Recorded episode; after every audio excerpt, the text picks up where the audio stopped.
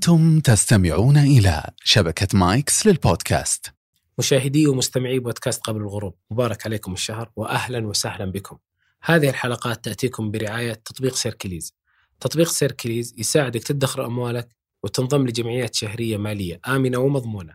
بكل خصوصية تستلم كامل مدخراتك بدون ما تحس بأي تقصير سواء عدم اكتمال الأعضاء أو حتى توقف أحد عن السداد. وكذلك يحظى البرنامج برعاية من تطبيق زكاتي. الذي يسهل أداء فريضة الزكاة ويحظى بثقة هيئة كبار العلماء. لتصل زكاتكم لمستحقيها من مستفيدي الضمان الاجتماعي بكل يسر وموثوقية. كل الشكر لرعاة بودكاست قبل الغروب ومتابعة ممتعة نتمناها لكم. حمل تطبيق سيركليز وادخر أموالك.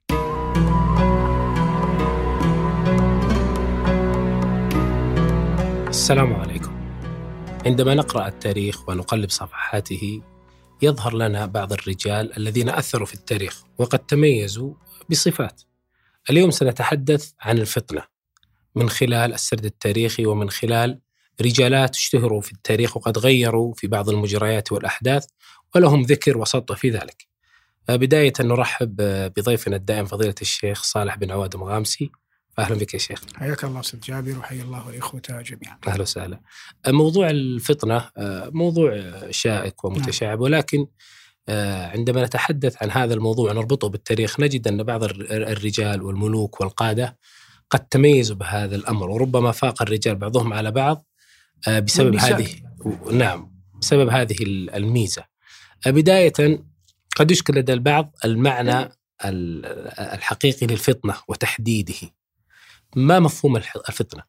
اولا الحمد لله وبعد. الفطنة الذي نريد أن نتحدث عنها أو كما نفهمها عدم الغفلة والتنبه للحديث إذا جاءك ماذا يراد منه. بمعنى لا نريد أن نتكلم عن المكر ولا عن الكيد ولا عن الخديعة ولا أضراب ذلك. فالفطنة أحيانا تكون حتى ما بين المتحابين. ما بين المتحابين. ليس يلزم أن تكون الفطنة مع الأعداء. قد تقع. يكون لك فطنة تنتبه بها من عدوك نعم. لكن أحيانا تكون حتى مع مع يعني بين أهل البيت الواحد. يكون الإنسان حذقا. لأن ربما أحيانا يمررها الإنسان. يترك فطنته. وهو ما يسمى بالتغافل. وما زال التغافل وسيبقى شعارا للعقلاء. لكنه لا يقبل في أي وقت. فثمة أشياء أنت تمررها من غير أن تجرح من يقابلك تعطيه بعض مراده كما سيأتي لكن تنبهه على أنك تعلم مقصوده ومراده فحفظت حقك دون أن تؤذيه.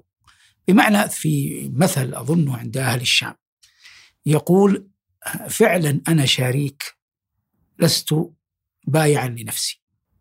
مم. يعني الموازنة ما بين أنك تشتري الإنسان دون أن تبيع نفسك هذا مطلب إنساني جميل. عظيم.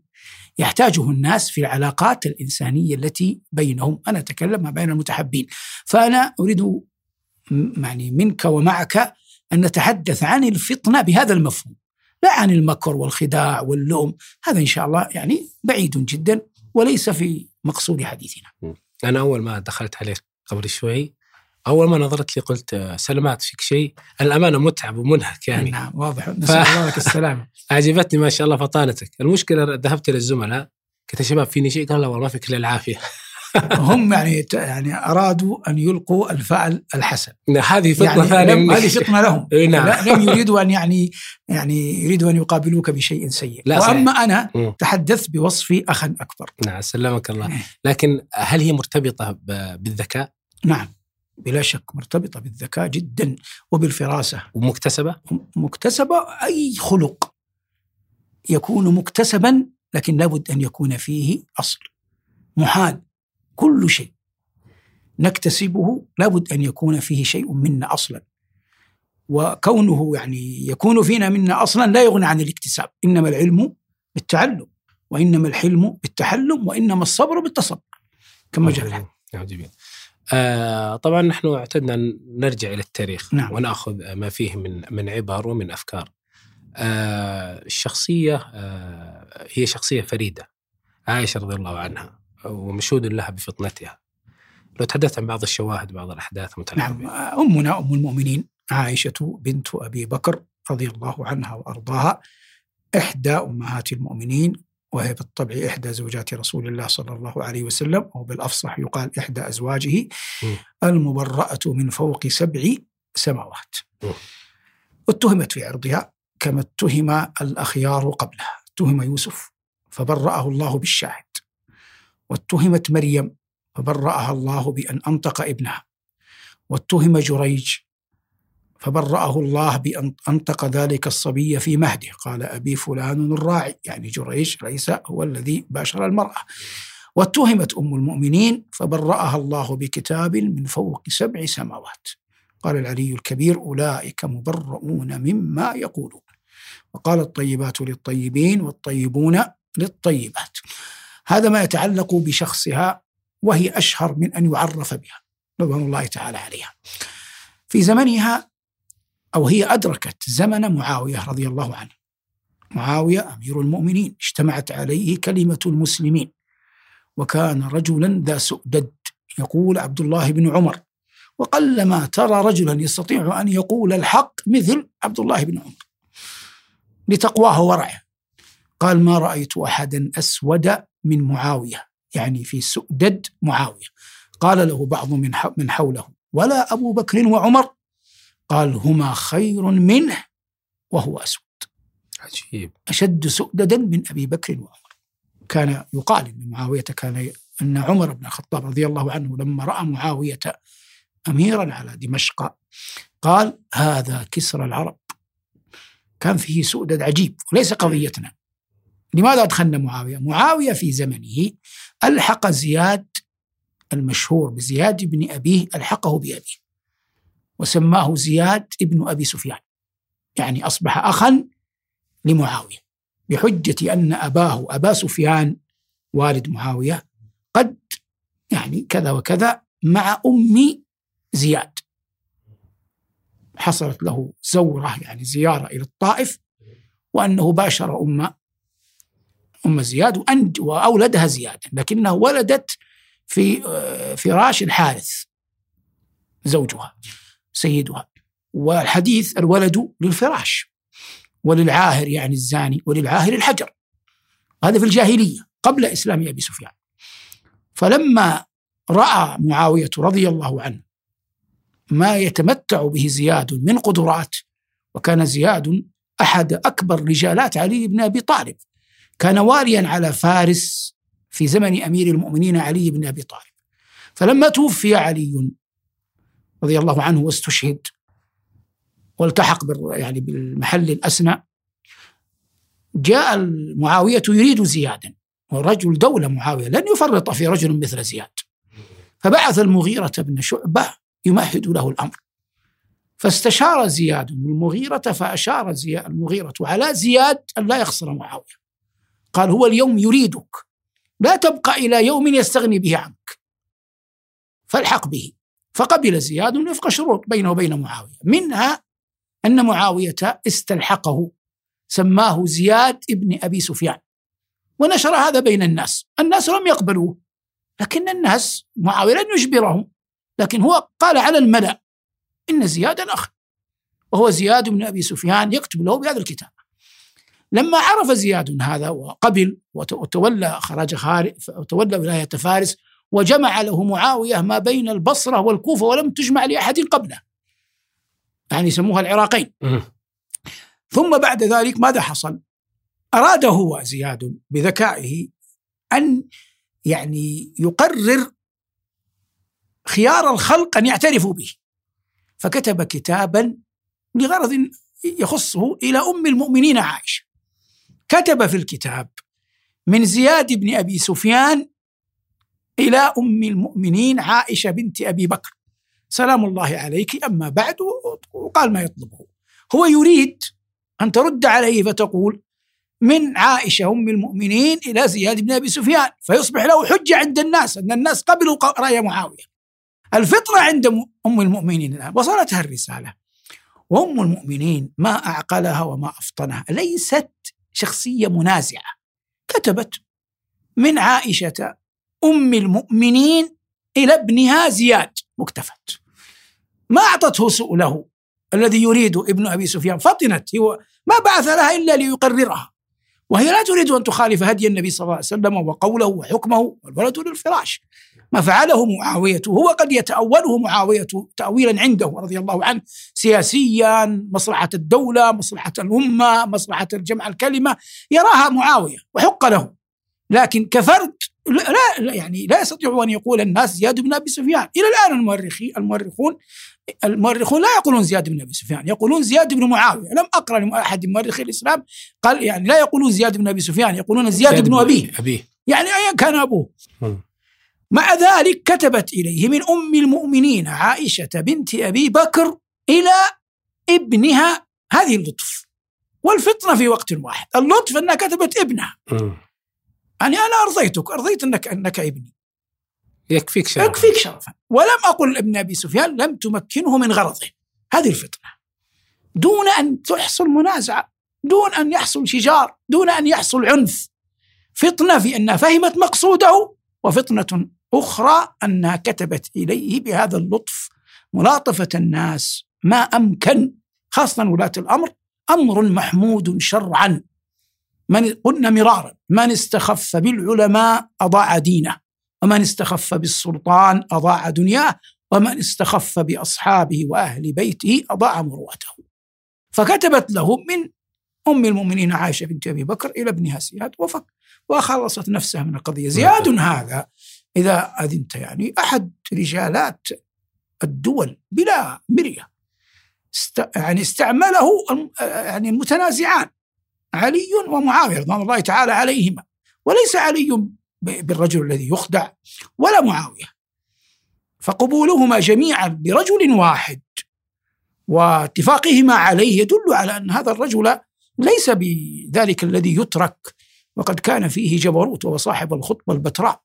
التي صعد فيها المنبر كما تعلم وقال أما بعد فإن الجهالة الجهلاء والضلالة العمياء وأكمل خطبته. والخطبة هذه تدرس بلاغيا تدرس سياسيا تدرس في الحكم تدرس في يعني لكل من يعقلها. صحيح أنه كان فيه يعني بسيفه رهق وبطش بالناس لكن هو كان يعتقد أن الناس آنذاك لن يصلحهم إلا هذا. ومن طريف ما نقل عنه أنه بعد أن جمع له معاوية أو يزيد جمع له العراقين يعني الكوفة بعد البصرة دخل الكوفة.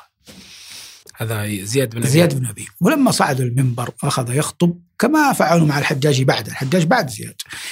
حصبوه بالحجارة يعني. هذا يرمي وهذا يرمي وهذا في طرف المسجد يرمي وهو عاقل.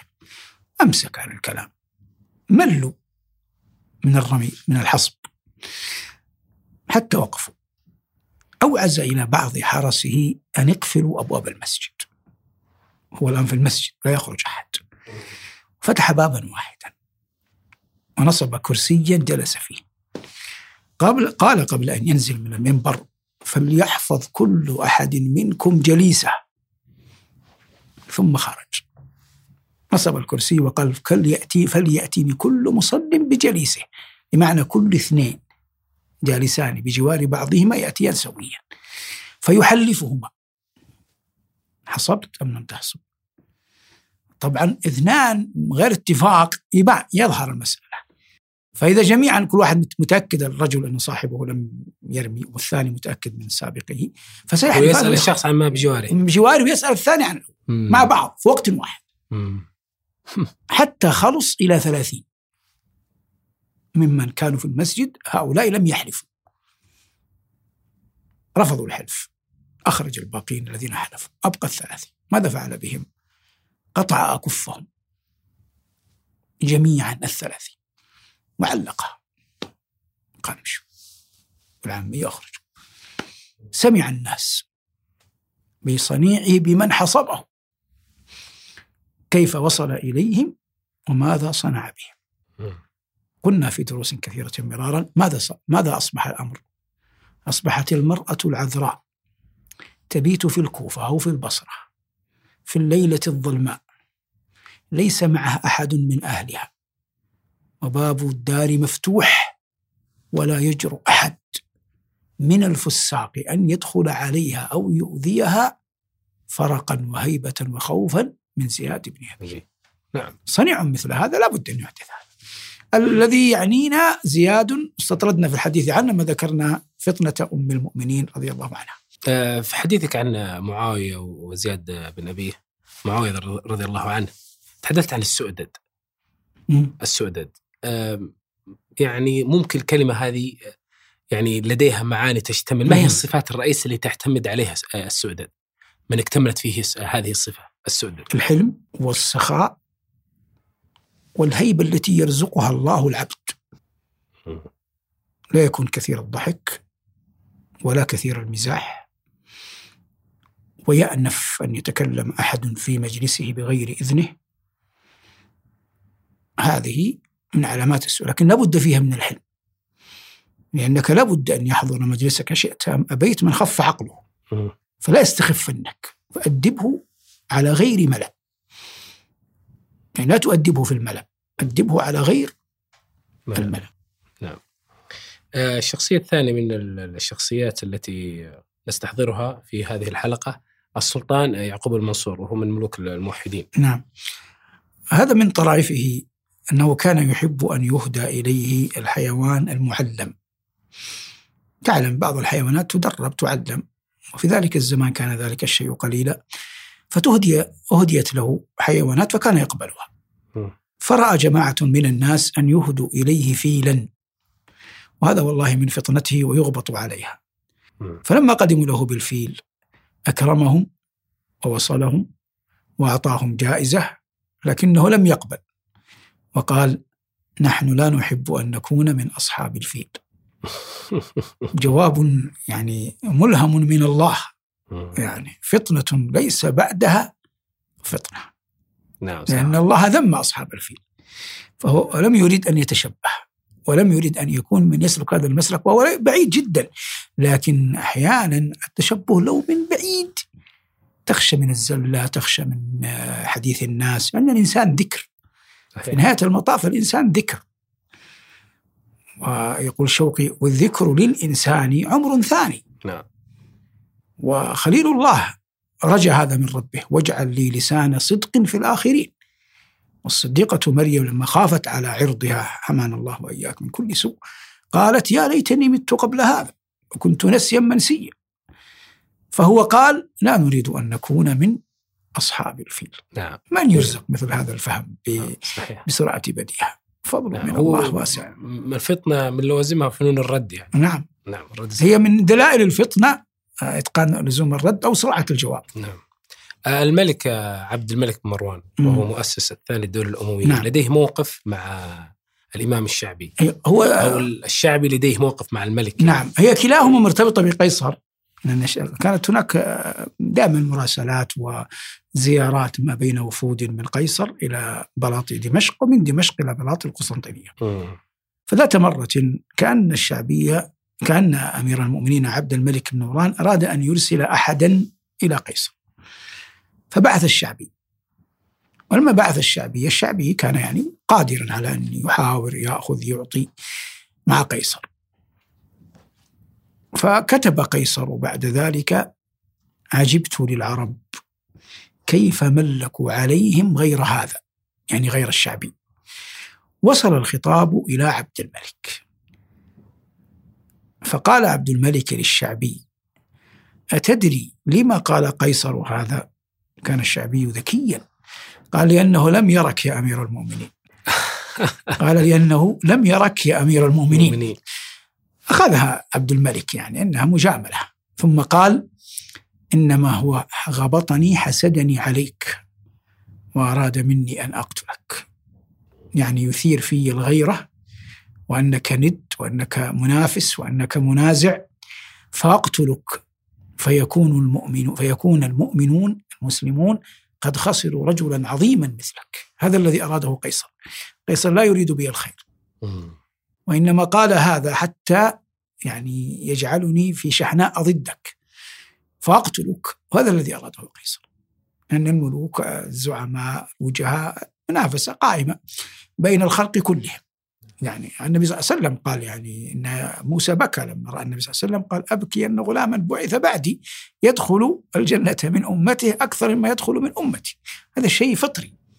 فقال إنما حسدني عليك فأرادني أن أتخلص منك. لكن لن أحقق له رغبته. هذه فطرة من عبد الملك أنه فهم مقصود قيصر. وفطرة من الشعب لما قال له قيصر لما قال له عبد الملك أتدري ماذا كتب لي قيصر؟ قال وما كتب؟ قال ك... قال كتب إلي أعجب من العرب أنهم لم يملكوا أن يملكوا عليهم غير هذا. قال لأنه لم يرك يا أمير المؤمنين. طيب وهذا جميل. كله يعني معدود في الفطن معدود في سرعة الجواب معدود في حف- حفظ الرجل أو الملك أو القائد أو أمير المؤمنين على رجاله وأنه يقدم مصلحة المسلمين على كل شيء.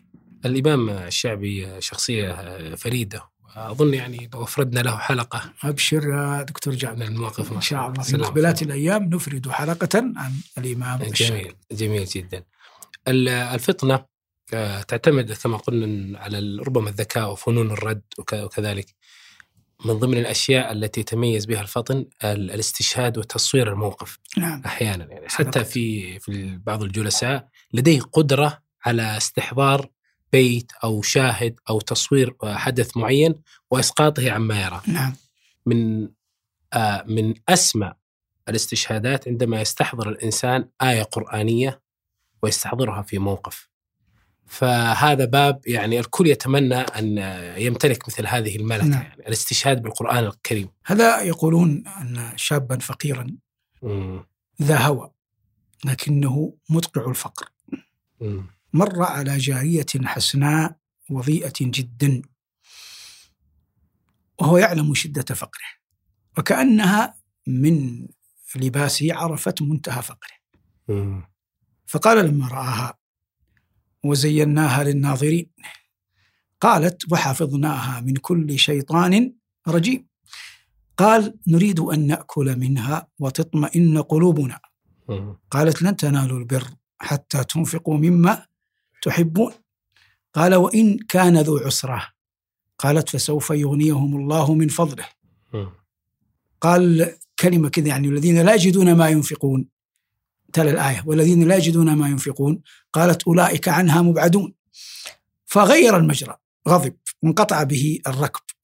قال سبها يعني قال كذا لعنة الله عليك وعلى كل أنثى. قالت فللذكر مثل حظ الأنثيين. فالآن في, في لما تقرأ ال- هذه تسمع هذه القصة تتعجب. يعني هو لما رآها وقعت في نفسه وزيناها للناظرين. السماء. هي أجابت بنفس المسلك. الله لما ذكر السماء قال وحفظناها من كل شيطان رجيم نعم.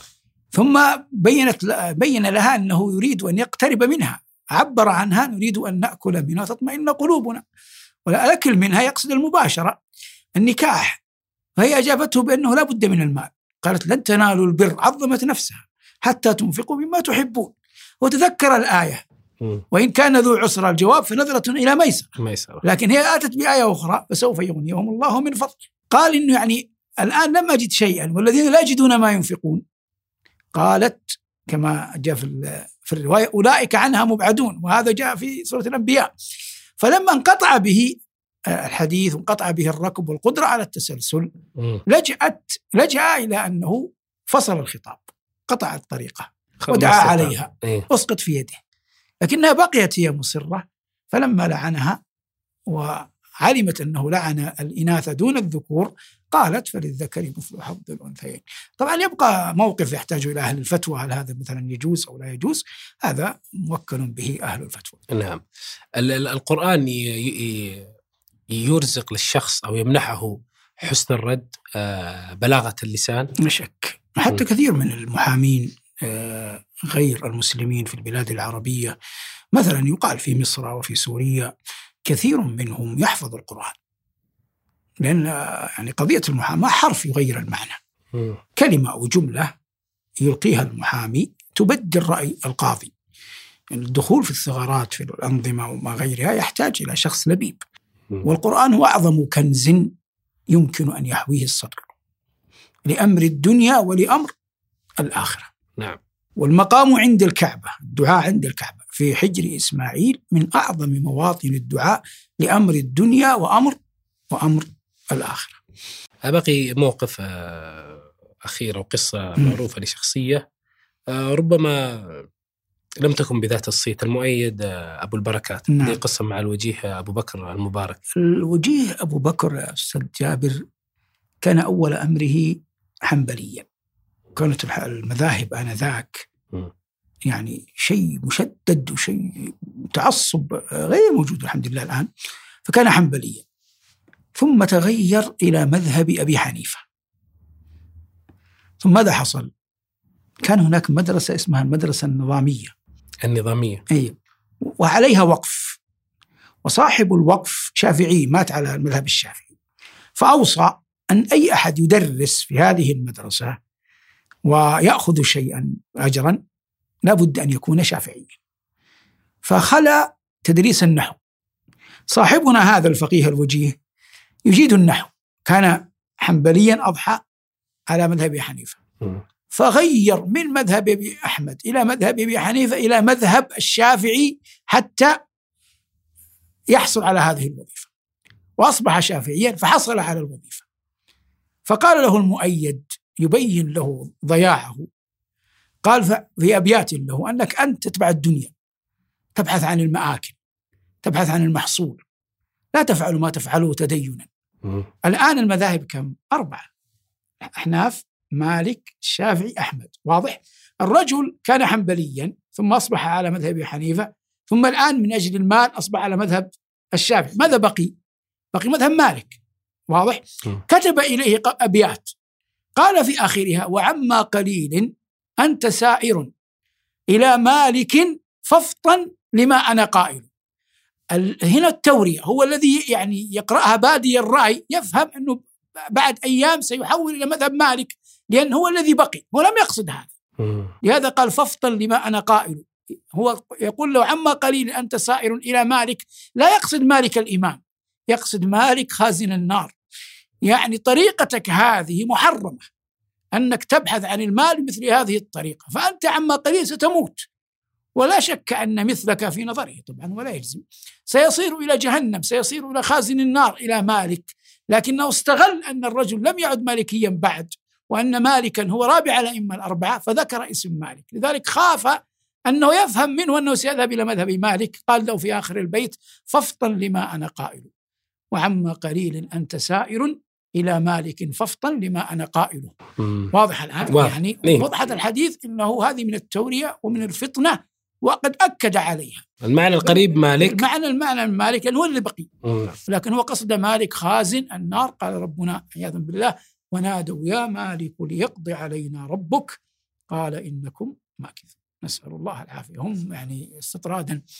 أهل النار هذا الله وإياك. لهم ثلاثة نداءات. نداء لعموم الملائكة. وقال الذين في النار لخزنة جهنم. ادعوا ربكم يخفف عنا يوما من العذاب. الدعاء الآن لمن؟ للخزنة الخزنة لا تجيبهم الخزنة إجابة يعني مرادة. قالوا أولم تكن أولم تكن تأتيكم رسلكم بالبينات؟ قالوا بلوا بلى. قال فادعوا ما دعاء الكافرين إلا في ضلال. لما يئس ييأسوا من رد الخزنة ينتقلون إلى مالك.